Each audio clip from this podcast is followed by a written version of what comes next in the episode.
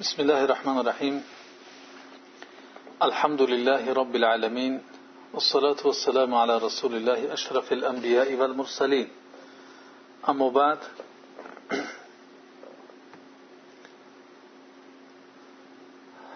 صحبت امروز ما در ادامه سلسله از سیرت پیامبر صلی الله علیه و سلم و ما تا اینجا رسیده بودیم که گفتیم اصحاب کرام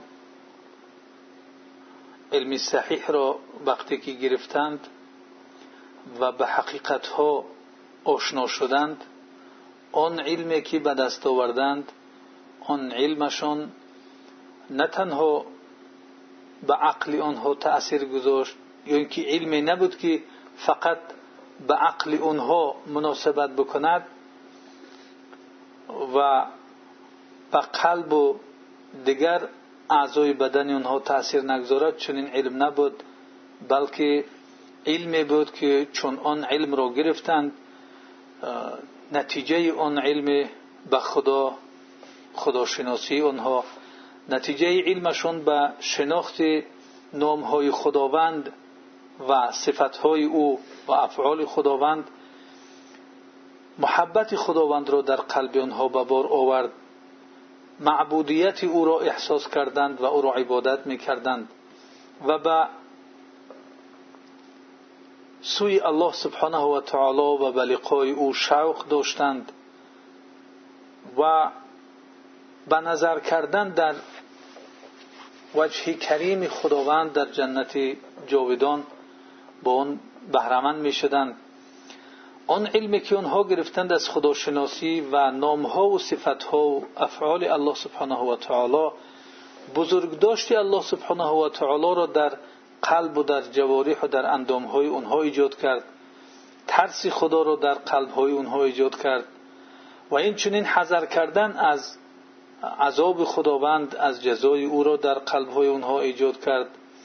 آنها احساس کردند که آن ذاتی که چنین هست چنین نامها و چنین صفتها و چنین افعال دارد دارای قدرت و بزرگی است و در قلبهای آنها این چنین امید را به بار آورد که به آنچه که در نزد خداوند است اینها امیدوار شدند. وقتی دیدند که خداوند رحمان و رحیم و بخشاینده و بخشنده و امثال اینها هست امیدوار شدند به آن چیزهایی که خداوند برای اونها وعده داده است در جنت و بسیار خواستگار شدند به جنت خداوند به رزوان خداوند و در رضایی خدا و خوشنودی او را آرزو می‌کنند. و این چنین در حق الله سبحانه و تعالی گمان نیک داشتند. پس اون علمی که در مورد الله سبحانه و تعالی و ایمانی به او داشتند آثار اون علم شو در آنها کامل گشته بود که یعنی شخصیت آنها را از همه جانب تأثیر میگذاشت نه تنها که در عقلشون بلکه در قلب و جوارح آنها. اون اصحاب کرام چگونه ای که ذکر کردیم در روز همچون یک سواران بودند و پهلوانان بودند و در شب چون عابدان از اون علمی که داشتند و اون ایمانی که داشتند و ترسی که از خدا داشتند آنها را از کار دنیویشان منع نمی کرد از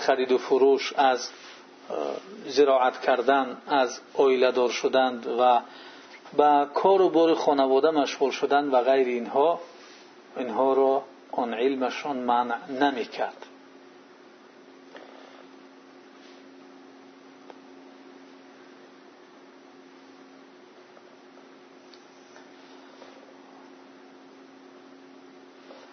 خب آنچه که امروز می‌گذاریم شخصیت پیامبر صلی الله علیه و سلم و تأثیر او در ساختن نمونه ها در ساختن شخصیت هایی که آنها پیشوا می باشند. خانه ارقم ابن ابی ارقم بزرگترین مکتب برای تربیه بود برای تعلیم بود که بشریت از این بزرگتر مکتبی را برای تعلیم و تربیه ندیده است. چگونه نه در حالی که استاد این مکتب رسول الله صلی الله علیه و سلم بود که آن استاد تمام بشریت است و طلبگانی که در آن مکتب بودند آن طلبه ها آنها اصحاب کرام داعیان و هدایتگران و رهبران ربانی بودند. کسانی که تمام بشریت را از بند غلامی و از عبودیت به غیر الله آزاد کردند و آنها را از ظلمات و تاریکی ها به سوی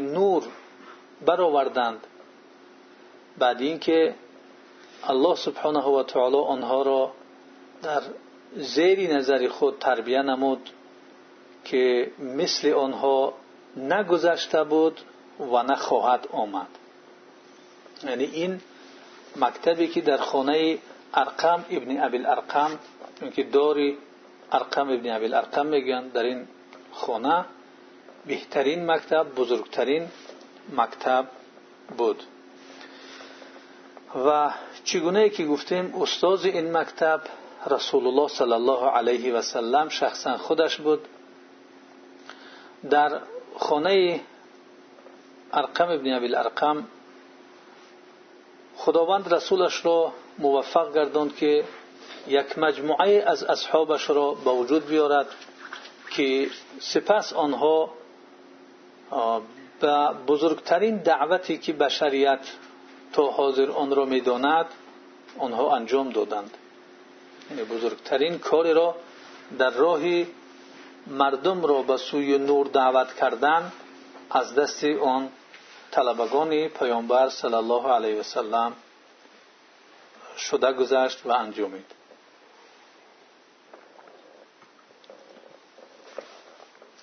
رسول الله صلی الله علیه و سلم آن مربی بزرگ.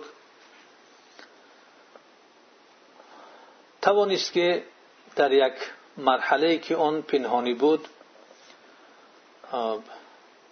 در خانه ارقم ابن ابی الارقم بزرگترین و عالیترین مردانی را تربیت نماید که آنها پرچم یکتاپرستی و دعوت به سوی نور را به دست گرفتند. و حتی در حیات خود آنها دیدند که چگونه آن نیم جزیره عربی همه به این دین گرویدند. که در نیم قرن آنها به بسیار دستاوردهای زیاد رسیدند.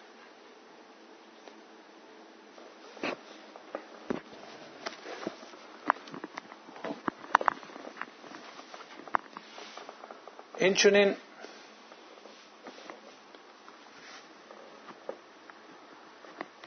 خانه ارقم ابن ابی الارقم بزرگترین مدرسه دنیا یا بزرگترین مکتب دنیا به شمار می رود بزرگترین دانشگاه دنیا به شمار می رود که در آن رسول الله صلی الله علیه و سلم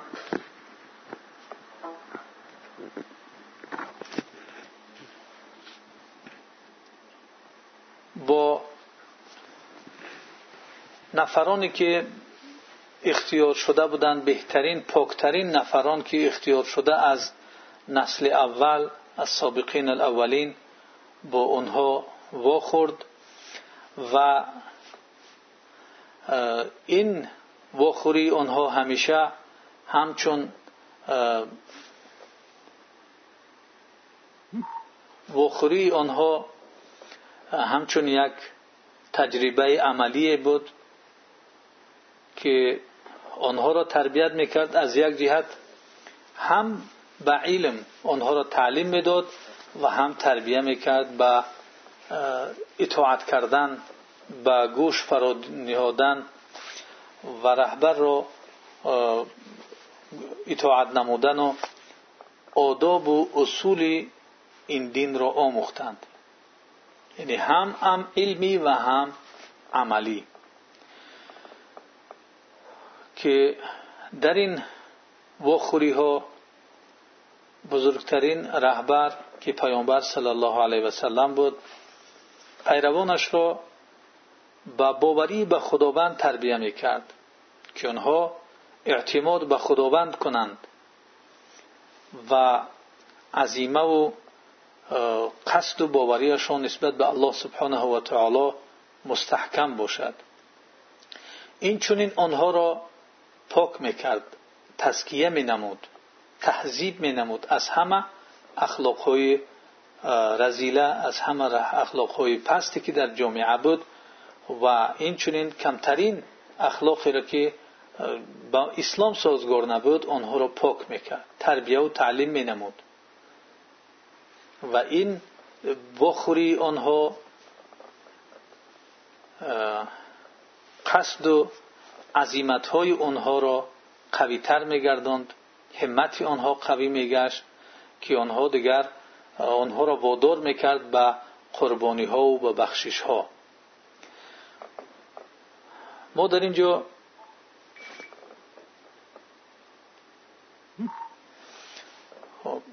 در اینجا دیدیم که پیامبر صلی الله علیه و سلم در این وخوری ها با کسانی که آنها را تربیه می‌کرد هم تعلیم بود و هم تربیه و اطاعت کردن و امثال اینها. یک مشکلی که در بسیار جایها وجود دارد این است که مردم بیشتر به تعلیم مشغول هستند ولی به تربیه مشغول نمی شوند و این نتیجه های بسیار منفی دارد. وقتی که تعلیم هست علم رو می‌گیرند ولی معلم در فکر تربیه اون طلبه نیست. در این حالت اون کسی که علم رو می آموزد اگر تربیه نیابد ممکن است که به اون علم ضررش به خود اون شخص و به جامعه بیشتر باشد از فایدهش از این جهت پیامبر صلی الله علیه و سلم آنها را هم نظری و هم عملی تربیه می‌کرد. هم آنها را علم می آموزند و هم آنها را تربیت می‌کرد. تسکیه نمود. زیرا که انسان باوری کرده نمی‌توند که تنها با یک گرفتن علم انسان به مقصدش برسد. زیرا که با اون علم اون شخص نمی‌تواند مناسبت بکند یا آن را در خودش چگونه عملی نماید. می‌توند که ممکن با دیگران اون را بعضی مناسبت ها بکند ولی با خودش ممکن است که اون را نتواند مناسبت بکند و در نتیجه ضررش چون به خودش می‌رسد نتیجه آن ضررش به دیگرها هم می‌رسد برای این مهم است در این روند در این برنامه که در برابر تعلیم تربیه هم حتما باشد خب. نقطه ابتدایی حرکت تربیه ربانی که آنها داشتند در آنجا واخوری کسی که دعوت می‌شد با پیامبر صلی الله علیه و سلم صورت می گرفت این نقطه اول یا مرحله اول بود. اولین چیزی که در این حرکت تربیه ربانی یکم شروع می شد این واخوری بین اون شخصی که دعوت می شود با پیامبر صلی الله علیه و بود. در شخصی که دعوت می شد یک تحولات غریبی به وجود می آمد و این چنین یک هدایت یافتنی ناگهانیه که به مجرد اون که با پیامبر صلی الله علیه و سلم اون و خورد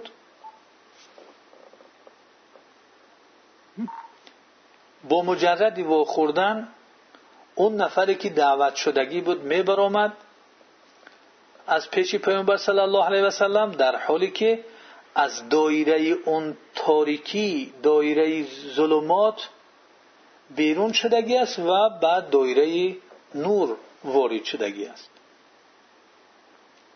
و ما مثال های زیادی هست در این باره که وقتی آنها با پیامبر صلی الله علیه و سلم وامی خوردند وقتی از پیش او می این در حالت واخوری به این شخصیت ها چنین حالت رخ می‌داد که از دایره ظلمات و تاریکی آنها به دایره نور می برآمدند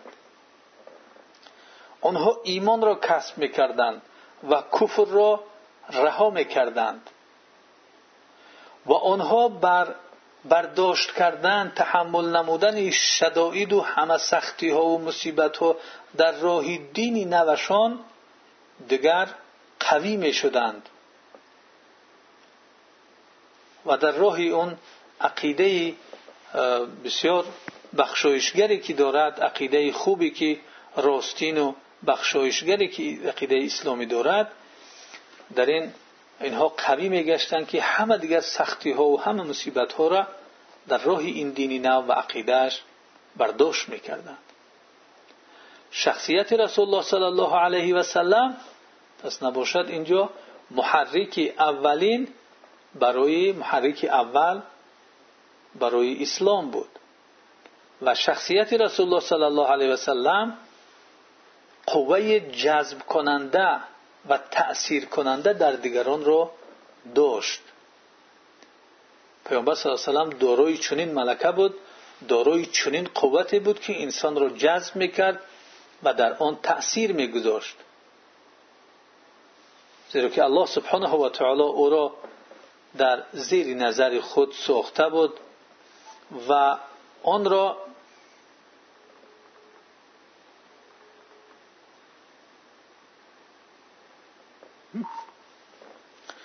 در زیر نظر خود اون را الله سبحانه و تعالی ساخته بود و کاملترین صورت برای بشر در تاریخ این زمین گردانید. خب. بزرگی همیشه دوست داشته می شود مردم در اطراف بزرگی احاطه می کنند و با آن یعنی آن را دوست می دارند. در اطرافش جمع می شوند. خب. زیرا که هم از یک جهت آنها یک چیزی بسیار دوست داشته خود را یافتند از جانب دیگر بسیار چیزی تعجب آوری هست. لیکن رسول الله صلی الله علیه و سلم در برابر این بزرگی یک چیز دیگر را هم زم می‌کرد علاوه می‌کرد که آن رسول الله بود. با وجود اینکه آن اخلاق ها و آن رفتارهای بزرگی را داشت که به سبب آن بزرگی هاش او را دوست می داشتند و برایشان معقول بود این چنین اون علاوه بر اینها رسول الله بود. کسی بود که وحی الهی از جانب او قبول می شد و کسی بود که آن وحی الهی را به مردم می رساند این بعد دیگری هست که برای خود اثری خاصی را دارد تأثیر خاص خود را دارد در سازش شعور مؤمن کسی که ایمان دارد در برابر او یک سازش خاصی را داشت.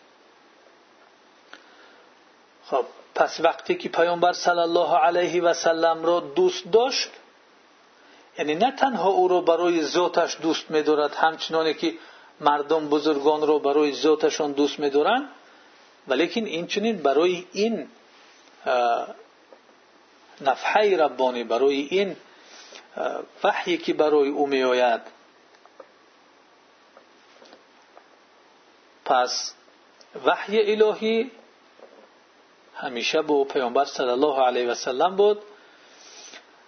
از این جهت در شخص رسول صلی الله علیه و سلم که هم انسان بزرگ بود و رسول بزرگ بود اینها با هم جمع شده بودند. هم شخصی انسانی بزرگ بود و این چنین رسولی بزرگ بود. بزرگی هم در انسانیتش و در رسولیش هم بزرگی رو با هم جمع کرده بود. که اینها در نهایت یک چیز یگانه می شدن که خب دیگر ابتداش از انتهایش فرق نمی کرد که او را دیگر دوست می داشتند بسیار یک محبتی عمیق نسبتی او داشتند برای یک رسولی که انسان است یا برای یک انسانی که رسول است. از این جهت او دوست می داشتند یعنی همه این صفات در پیامبر صلی الله علیه وسلم جمع گشته بود که اون محبت خدا را با محبت رسولش در نفسش دیگر اونها علاقمند می‌کردند و آمیخته می‌کردند و دوستش میداشتند. و این نقطه در شعور آنها تکیه کننده در حیاتشون بود محوری همه حرکت هایشان و همه رفتارهایشان این محبت خدا و محبت رسول الله صلی الله علیه و سلم بود. این محبت بود که دوستداری خدا و دوستداری رسول الله صلی الله علیه و سلم که همچون یک انسان بزرگ همچون یک پیامبر بزرگ او را دوست داشتند همچون یک انسانی که به او وحی می آید همچون یک انسانی که وحی الهی را به مردم می رساند او را دوست داشتند. نسل اول را از صحابه را به حرکت درآورد آنها را تربیه کرد و شخصیت هایی بودند که همچون پایه اساسی برای دین اسلام در مرحله اولش قرار گرفتند که در اساس در یعنی بر دوش آنها این اسلام رسید تا به جایی که تمام عالم را آهسته آهسته فرا گرفت. مسئله دیگر این این است که در خانه ارقم ابن ابی ارقم رضی الله عنه. آنها چی می آموختند پیامبر صلی الله علیه و سلم آنها را چی تعلیم می‌داد؟ اینجا باید ما دقت جدی کنیم اندیشه کنیم. امروز بسیار نفرانی هستند که حتی در مرحله ابتدایی از خواندن قرآن کمبودی ها دارند. فهمیش قرآن در بسیار مسئله ها مشکلی ها دارند. گرفتن همه اسلام رو از قرآن و از احادیث پیامبر صلی الله علیه و مشکلی ها دارند. در مسئله های که آنها خلافی هستند در مسئله هایی که مشکلی ایجاد کننده هستند حیات خود را سپری می کنند راه و روش نوی را پیدا می کنند ولی این دین به واسطه پیامبر صلی الله علیه و سلم برای بشریت رسیده است. بهترین راه و بهترین طریق را بهترین وسیله را پیامبر صلی الله علیه و سلم می‌داند که چگونه این دین باید به مردم برسد؟ چگونه آن یعنی برای بشریت رسانده بشود؟ و ببینیم که آیا مثل گفته آن بعضی نفرها هست راه پیامبر صلی الله علیه و سلم یا اینکه فرق می‌کند؟ پیامبر صلی الله علیه و سلم در اولین مکتب خود در خانه ارقم ابن ابی الارقم رضی الله عنه چیزی را که درس می‌داد قرآن کریم بود. چیزی را که پیامبر صلی الله علیه و سلم در خانه ارقم درس می‌داد رضی الله عنه قرآن کریم بود. یگانه سرچشمه گرفتنی علم این قرآن کریم بود. پیامبر صلی الله علیه و سلم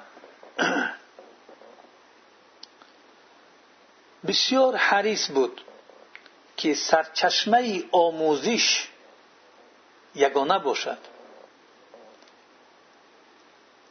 و قرآن کریم می‌خواست که یگانه هم منهاج هم منهج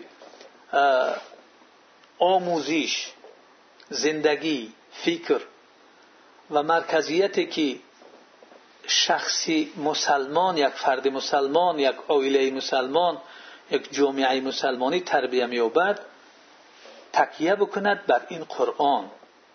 در تربیه یافتنش در انسان شدنش در عائله شدن در جامعه شدن تکیه بکند بر قرآن. زیرا که روح القدس جبریل علیه السلام آیت ها را تر و تازه به رسول الله صلی الله علیه و سلم می آورد نازل می کرد اصحاب کرام آن را از زبان و دهان پیامبر صلی الله علیه و سلم مباشرتا مستقیما می شنیدند و این نور در قلب های آنها می چکید در قلب های اصحاب کرام می چکید و در روح های آنها آهسته آهسته جای می گرفت و در رگ و پیوند و گذرگاه های رگ های خونگردی آنها جاری می شد این تعلیمات الهی. قلب های اصحاب کرام ارواح آنها با این قرآن متفاعل می شد متأثر می شد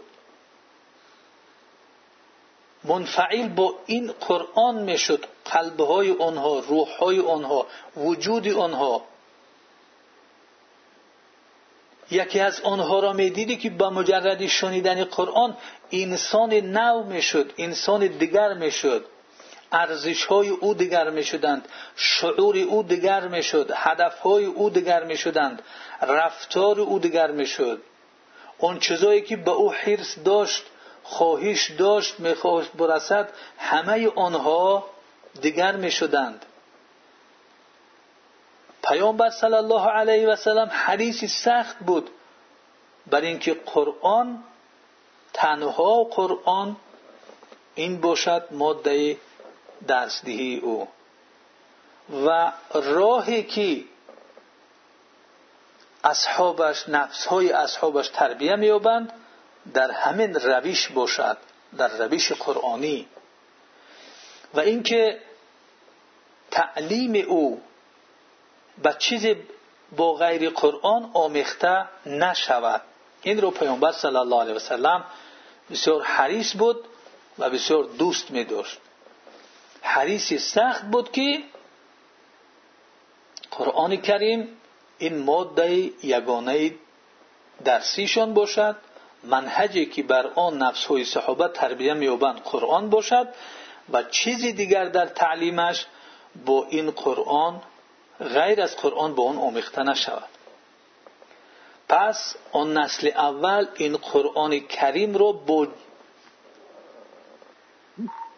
اون نسل اول این قرآن کریم رو با جدیت و با فهمیش قبول کرد. اون نسل اول این قرآن را با جدیت و با فهمیش خوب قبول کرد و با یک حرس خواهش سخت این قرآن را قبول می‌کرد. توجیهات قرآنی را می‌فهمید که قرآن آنها را به چی سفر بر می‌کند چی می‌خواهد از آنها. آنها با این قرآن با دقت تام عمل می‌کردند. آنها حس می‌کردند که آیت های قرآن هر یکی آنها را در شعون حیات واقعی و آیندهشان به کجا سفربر می‌کند اینها را احساس می‌کردند. این نسل اول بر اساس توجیهات قرآن کریم نشع و نما تربیه شد. و اینها بودند که یک صورت عملی صورت عملی به اون توجیهات ربانی بودند. اون توجیهات ربانی اون نشاندادهای ربانی که در قرآن بودند صورتی که آنها را نشان می‌داد اصحاب کرام بود. هر چیزی رو که در قرآن می‌دیدی که انسان را سفر برمیکرد به این طرف یا اون طرف اصحاب کرام نمونه زنده آن بودند. این قرآن این مکتب الهی است که در آن داعی ها و رهبران ربانی برآمدند. آن نسلی که بشریت مثل آن را نه پیش از آنها دیده بود و نه بعد از آنها خواهد دید. خداوند قرآن کریم را بر قلب رسولش صلی الله علیه و سلم نازل کرد تا به واسطه آن امتش را نشأ نما دهد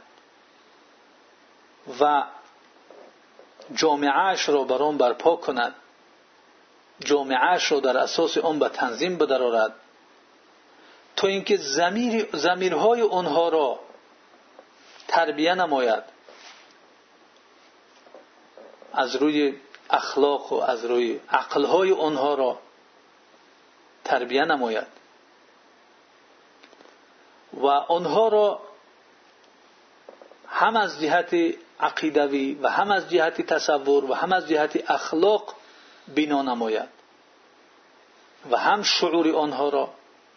پس در نتیجه یک گروه از مسلمانان اول برآمد که بر تمام جامعه ها در تمام ساحه های حیات چی از جهت عقیدوی باشد چی از جهت روحی باشد چی از جهت اخلاقی باشد چی از جهت اجتماعی یا سیاسی یا دیگر دیگر ساحه های حیات اینها بالایت و بالایت داشتند.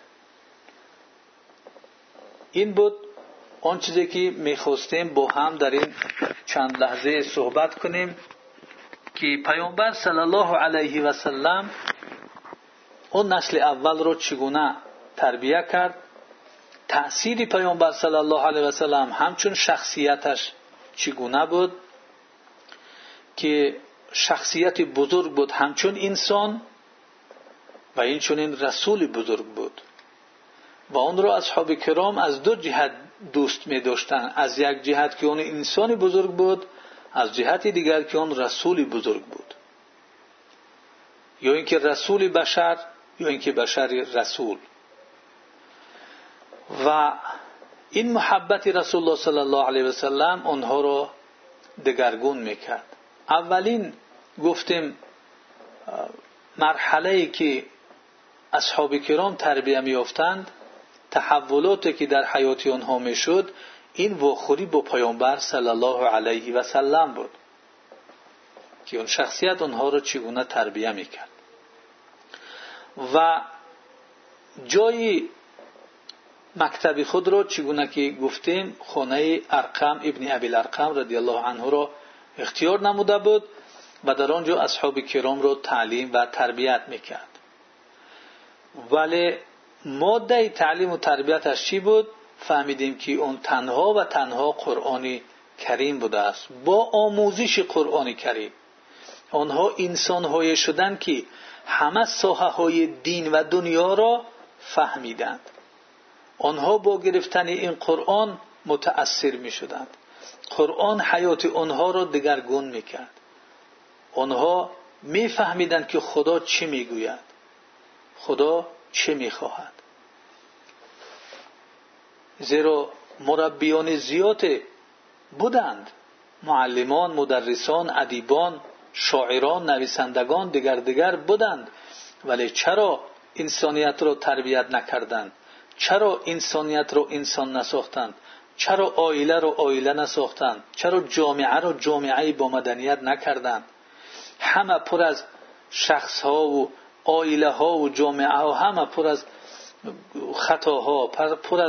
ها و جامعه ها همه پر از خطاها پر از ارزش های پستی که اون از عبارت بود از دروغگویی و از رباخوری و از پرتسندگیری و امثال اینها که ریشوگیری زیناکاری مینوشی دزدی راهزنی از حساب دیگران زندگی کردن و امثال اینها دیگر دیگر گناهانی بود که اون جامعه پر بود. چرا آن ادیبان و آن معلمان نتوانستند اون جامعه ها را تربیه کنند اون آیله ها را تربیه کنند اون افراد را تربیه کنند.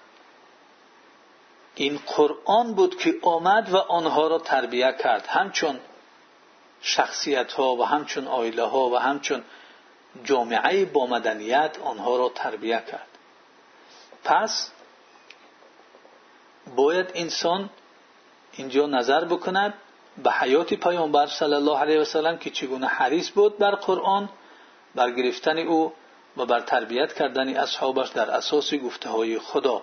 زیرا که منهج اساسی روش اساسی تعلیم اساسی اون گفته خدا هست.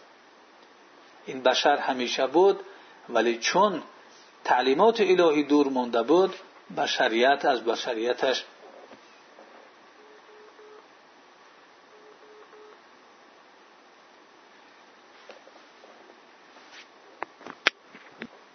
بشریت از بشریتش دور شد. ولی این قرآن سبب شد که بار دیگر انسان همچون انسان شناخته بشود و فرهنگ انسانیت را به دست بیارد.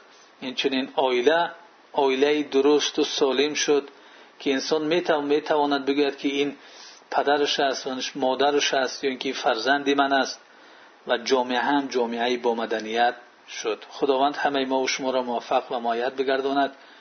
که این از این حیات پیامبر صلی الله علیه و سلم خوب بیاموزیم برای حیات خود عبرت بگیریم و در حیات خود آن را استفاده کنیم. و جزاکم الله خیرا. اگر